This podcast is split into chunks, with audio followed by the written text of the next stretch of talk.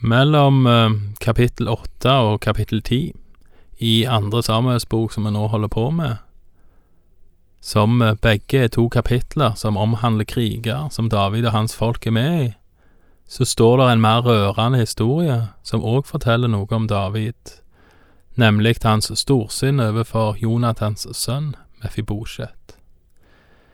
Mefibosjet nevnes ikke mange ganger i Bibelen faktisk bare i Andre Samuels bok.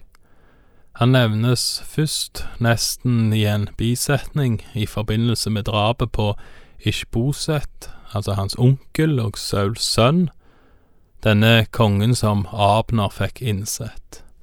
Det står i Andre Samuels bok kapittel fire.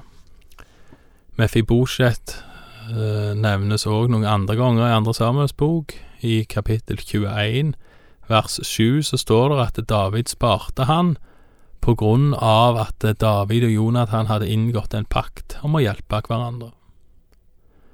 At Jonathan er grunnen til at David ønsker å hjelpe med Fibosjet, kommer også tydelig fram allerede i første vers. Vi leser fra Andre Samuels bok, kapittel 9, vers 1. David sa, er det ennå noen igjen av Sauls hus som jeg kan gjøre vel imot for Jonathans skyld? Nå var det i Sauls hus en tjener som het Siba. Han ble kalt til David, og kongen sa til ham, Er du Siba? Han svarte, Ja, din tjener heter så. Da sa kongen, Er det ikke ennå noen igjen av Sauls hus, så jeg kunne gjøre Guds miskunnhet mot ham? Siba svarte kongen, Det er ennå en sønn av Jonathan, en som har lam i begge føttene. Kongen spurte ham, Hvor er han? Siba svarte kongen, Han er i huset hos Makir, sønn av Amiel, i Lodebar. Så sendte kong David bud og hentet ham fra Makirs, Amiels sønns hus, i Lodebar. Og da Mefibosjet, sønn av Jonathan, Sauls sønn, kom inn til kong David, kastet han seg ned med ansiktet mot jorden, og David sa, Mefibosjet. Han svarte, Her er din tjener. David sa til ham, Vær ikke redd, jeg vil gjøre vel mot deg for din far Jonathans skyld, og gi deg tilbake hele den jordeiendommen Saul din far eide. Du skal alltid ete ved mitt bord. Da kastet han seg ned og sa, Hva er din tjener, at du lar ditt øye falle på en død hund som meg? Så kalte kongen på Siba, Sauls tjener, og sa til ham, Alt som har tilhørt Saul og hele hans ett, har jeg gitt til din herres sønn. Du skal dyrke jorden for ham, du og dine sønner og dine tjenere. Dere skal høste inn for han, så din herres sønn kan ha brød å spise. Men selv skal Mefibosjet, din herres sønn, alltid spise ved mitt bord. Siba hadde 15 sønner og 20 tjenere. Da sa Siba til kongen, Som min herre konge befaler sin tjener, slik skal din tjener i alle måter gjøre. David sa, Mefibosjet skal spise ved mitt bord som en av kongens sønner. Mefibosjet hadde en liten sønn som het Mika, og alle som bodde i Sibas hus, var Mefibosjets tjenere. Men selv bodde Mefibosjet i Jerusalem, for han spiste alltid ved kongens bord. Han var lam i begge føttene. Med å ta Mefibosjets inn som sin egen sønn, så ser det ut som at David gir opp for det løftet han har gitt til Jonathan. Mefibosjet var arving til Sauls trone. Det samme var hans sønn Mika og eventuelt andre mannlige etterfølgere som han måtte få. Likevel, David tar sjansen fordi han har lova Jonathan at, han, at de skal passe på hverandre. Og en kan vel si at Jonathan passet mer på David når Jonathan var i live, så kanskje David da syns at han får mer balanse i regnskapet nå. Det blir selvfølgelig bare spekulasjoner, men det er helt klart at det er denne pakten mellom Jonathan og David som gjør at Mefibosjes nå får plass ved kongens bord, og at han får tilbake igjen de eiendommer som tilhørte Saul. Siba, tjeneren til Mefibosjet, som òg vel hadde vært Sauls tjener, han og hans hus får beskjed om å forvalte Mefibosjets eiendommer og dyrke dem. Siba skal vi faktisk komme tilbake igjen til seinere i Andre Samuels bok. Men det er interessant, syns i alle fall jeg, å lese dette veldige spennet i Davids karakter. Den veldige strategen og tidvis nådeløse krigeren. Mannen som dansa foran folket og Guds åsyn uten kongeklær når de skulle få paktens ark til Jerusalem. Kongen som har tatt seg mange hustruer uten Guds velsignelse, og som skal gå, begå drap for ei sånn ei sak.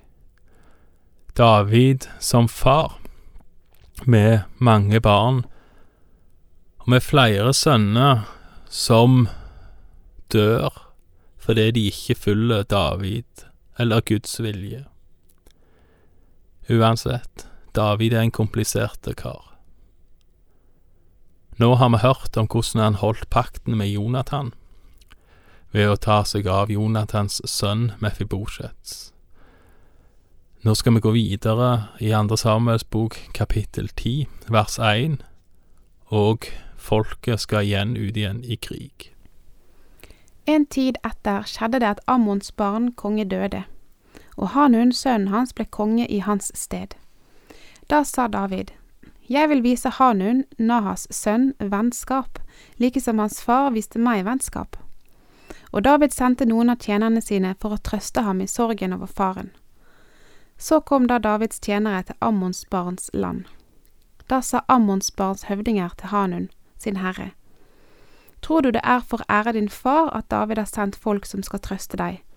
Mon det ikke heller er for å utforske byen at David har sendt sine tjenere til deg, for å utspeide den, og så ødelegge den. Da tok Hanun Davids tjenere og raket av dem halvdelen av skjegget og skar av dem halvparten av klærne like til setet. Så sendte de dem fra seg. Da dette ble meldt til David, sendte han folk som skulle møte mennene, for de var grovt vanæret.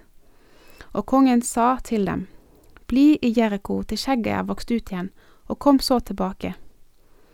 Da nå Ammons barn så at de hadde gjort seg forhatt hos David, sendte de bud og leide 20 000 mann fotfolk av syrerne fra Bet Rehob og Soba, og kongen i Maka med 1000 mann og 12 000 mann fra Tob.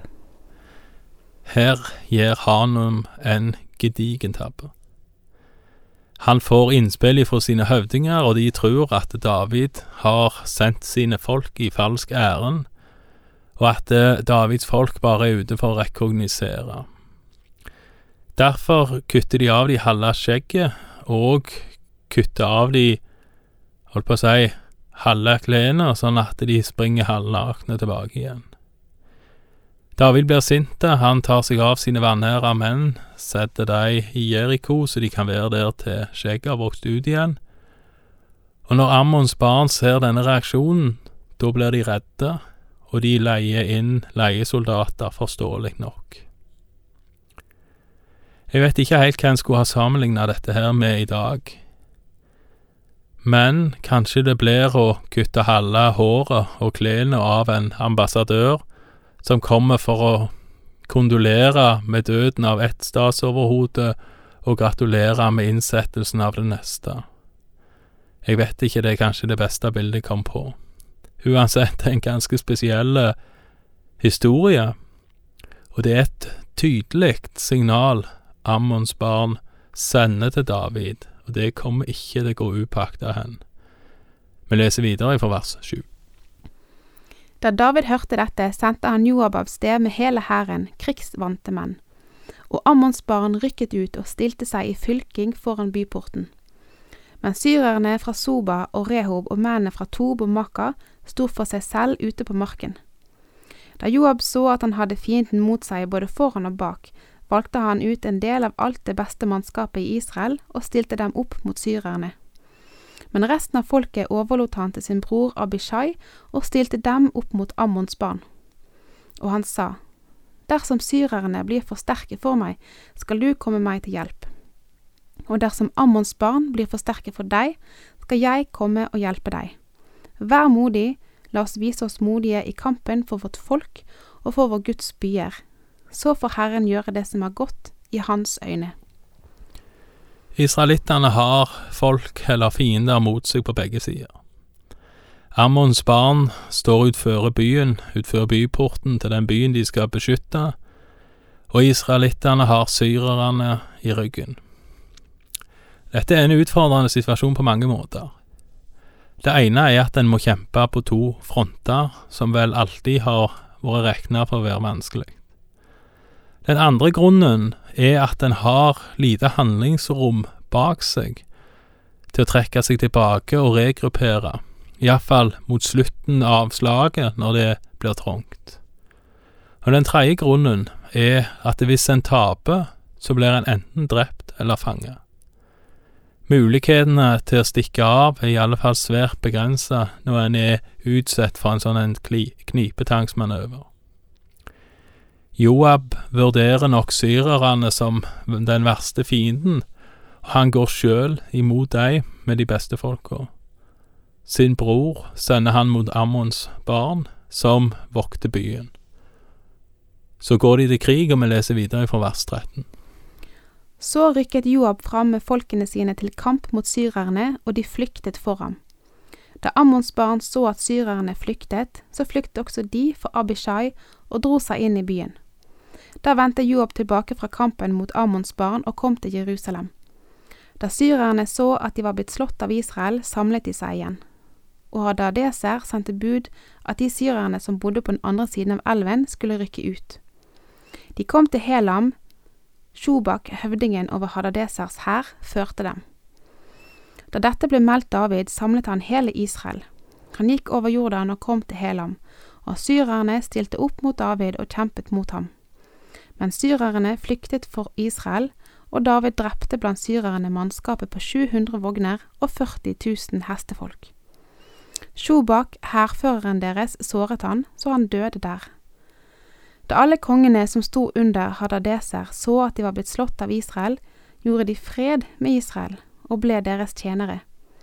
Og syrerne våget ikke hjelpe Ammons barn mer. David seirer her på alle fronter og slår minst to folk i krig. Både Ammons barn og folket som Ammons barn og syrere som må kunne regnes for leiesoldater de er nå slått. Israel er sterkt og mektig. Det samme er kong David. Som jeg sa når vi starta gjennomgangen av andre Samuels bok, så kan vi dele den inn i to deler, der de første ti kapitlene handler om vekst, og de neste om fall. Det får vi komme tilbake igjen til neste gang. Takk for i dag, og Herren være med deg.